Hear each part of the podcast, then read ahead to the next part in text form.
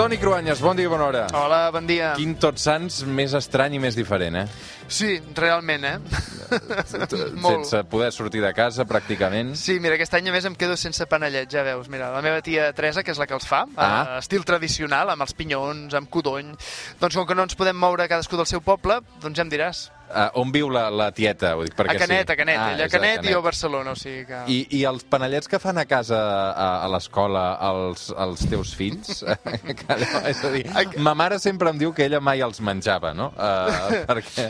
Jo t'haig de dir que aquest any no n'han fet. No, n'ha- sé si clar, és alguna que cosa ser- de la Covid. Segurament que sí, segurament que sí, segurament que sí. Uh, en fi, estem uh, en aquesta situació una mica estranya tot plegat. Avui amb el Toni Cruanyes uh, intentarem compensar un dels problemes dels tocs de queda i de les restriccions d'aquests dies, per això. Sí, perquè entre avui, dia de Tots Sants, i demà, dia dels difunts, molta gent, especialment la gent gran, estava acostumada a fer la visita al cementiri i encara que estan oberts, aquest any hi ha restriccions i sobretot la gent gran, de fet, és, són els que és millor que no surtin de casa. Avui a una altra història amb el Toni Cruanyes ens endinsem en la història dels cementiris, els mausoleus i el record dels nostres morts. I aquest fragment del Requiem de Mozart és el Lacrimosa, possiblement el Requiem més famós de la història de la música. És una mostra magistral de com l'art ha estat posat tantes vegades al servei de la mort, o més ben dit, del record dels morts. L'adoració dels morts i dels esperits es considera, eh, Toni, un pas important en l'evolució de l'espècie humana, no?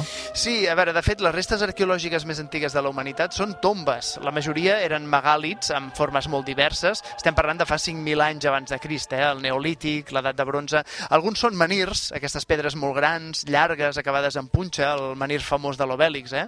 Hi ha també els dolmens, com el dolmen de, de Vallgorguina, tots els escolars hem passat per allà, és una taula gran de pedra. Després hi ha, per exemple, Stonehenge, a Anglaterra. Aquest ja és un monument molt més gran. Són quatre cercles concèntrics de pedra, ja és del 3000 abans de Crist. De fet, devia ser tan sofisticada la seva construcció que en aquell moment devien fer servir el que en diríem tecnologia punta, eh? però vaja, eh, tecnologia punta de l'època dels picapedra. A banda de dibuixos animats i de pica-pedra, cal dir que els monuments funeraris històrics o prehistòrics no, no eren gens eh, divertits, no? No, no, gens, perquè no només eren un recordatori dels morts, sinó també llocs on sovint se feien sacrificis d'animals o sacrificis humans. Algunes coses els historiadors encara no les han pogut descobrir. Per exemple, no sabem què vol dir aquesta forma de Stonehenge a Anglaterra. Eh? Hi ha molts elements astronòmics, potser d'astrologia, eh, es van tenir en compte quan es va construir, però en un pas més en l'evolució de les civilitzacions ja ens podem trobar amb una altra de les grans tombes, el model potser més reixit, el més popular, segur, les piràmides d'Egipte. Això és Aida, la gran òpera de Verdi sobre l'Egipte imperial. Per què van construir aquelles piràmides tan grans, Toni? Home, tots els grans imperis antics tenien una certa obsessió per la vida d'ultratomba. Les piràmides eren cambres funeràries dedicades als faraons. Es creia que després de la mort el faraó necessitaria exèrcits, riqueses, els seus esclaus en el més enllà. Així que dins de les piràmides hi havien de cabre, doncs això, un exèrcit sencer, si feia falta. S'entén aquesta visió de la vida després de la mort també en què els embalsamaven. Bé, els convertien en mòmies, ja ho hem conegut després, fins i tot en pel·lícules i en, i en eh, moltes obres de la literatura, es posaven a dins de sarcòfags, ja ho sabeu. La idea era que dins de la piràmide estiguessin protegits i que la grandesa de la piràmide fos un símbol de la grandesa del faraó. I un altre dels mausoleus més coneguts, en aquest cas, és el de Xi'an, no? A, a la Xina, amb els famosos guerrers de terracota. Sí, a veure, milers de quilòmetres de distància entre Egipte i la Xina i 2.000 anys després, a Xi'an es va construir un mausoleu de 2 quilòmetres quadrats, amb aquesta mateixa filosofia. El van fer per l'emperador Qin Shi Huang, que va ser un dels grans unificadors de la Xina, i de fet per ell van construir més de 7.000 soldats i cavalls de terracota a tamany real. El que és fascinant és que cadascun dels soldats té una característica diferent, o sigui, que no, no els feien amb un, amb un sol moll, hi havia una feinada, a més amb la tecnologia d'aquella època. Per tant, de moment el que només sabem és que es van desenterrar una petita part, ja que els guerrers de Xi'an van estar enterrats i no es van saber res d'ells fins al 1974. Es veien unes obres en aquella zona i es van trobar per primer cop. De fet, encara continuen les excavacions. Va ser una feinada bestial que després va ser enterrada i oblidada durant 2.000 anys. I encara un últim viatge, Toni, en aquest cas a grans cementiris i mausoleus de l'antiguitat. Doncs anem una altra vegada a l'altra punta del món, ara anem al Perú, anem al Machu Picchu, la ciutat capital dels Inques, la més vella d'aquella civilització, que també té un mausoleu monumental.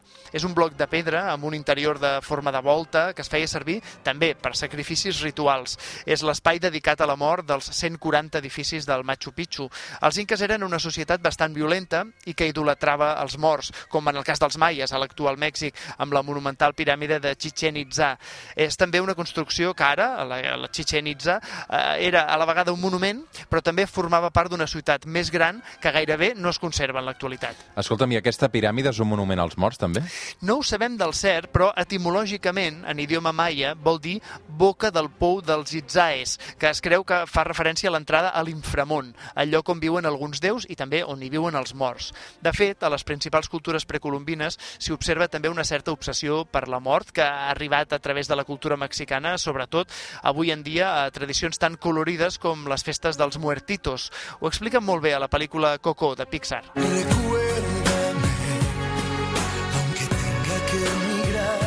No, no l'he vist, Toni. Home, no l'has vist? No l'he vist. ho. La, tinc, tinc deures pendents aquí, Home, a eh? més a més l'has de mirar ja, i ja sí. t'aviso amb uns clínex perquè ploraràs. Sí, fa plorar. Sí. Oh, no m'agraden aquestes pel·lis que fan plorar tant. Clar, mira, és la De història... diumenge a tarda, no? O sigui, avui, eh? Una mica... Sí. Ah, mira, avui és un bon dia, a més a més, home, tots sants. Mira, és la història de l'àvia Coco, que mostra la tradició mexicana en què els morts que són recordats per les seves famílies no poden arribar als paradís del més enllà. És a dir, els que no es recorden, que no tenen Mhm. fotografies, que no els, eh, els recorden sobretot el dia dels morts, doncs desapareixen, no? És una mostra de la importància que les generacions anteriors han donat a la mort, que en canvi avui sembla que d'alguna manera ho hàgim oblidat, no? Vols dir que no ens agrada parlar de la mort? Està clar que no tant com a les civilitzacions antigues. Quan més creien en el més enllà, més grans eren els monuments que es feien en records dels que marxaven. També eren una forma de control social, és clar, eh? Però, en tot cas, jo crec que avui només fem front a la mort quan realment ens la trobem de cara. Eso que tú me das es mucho más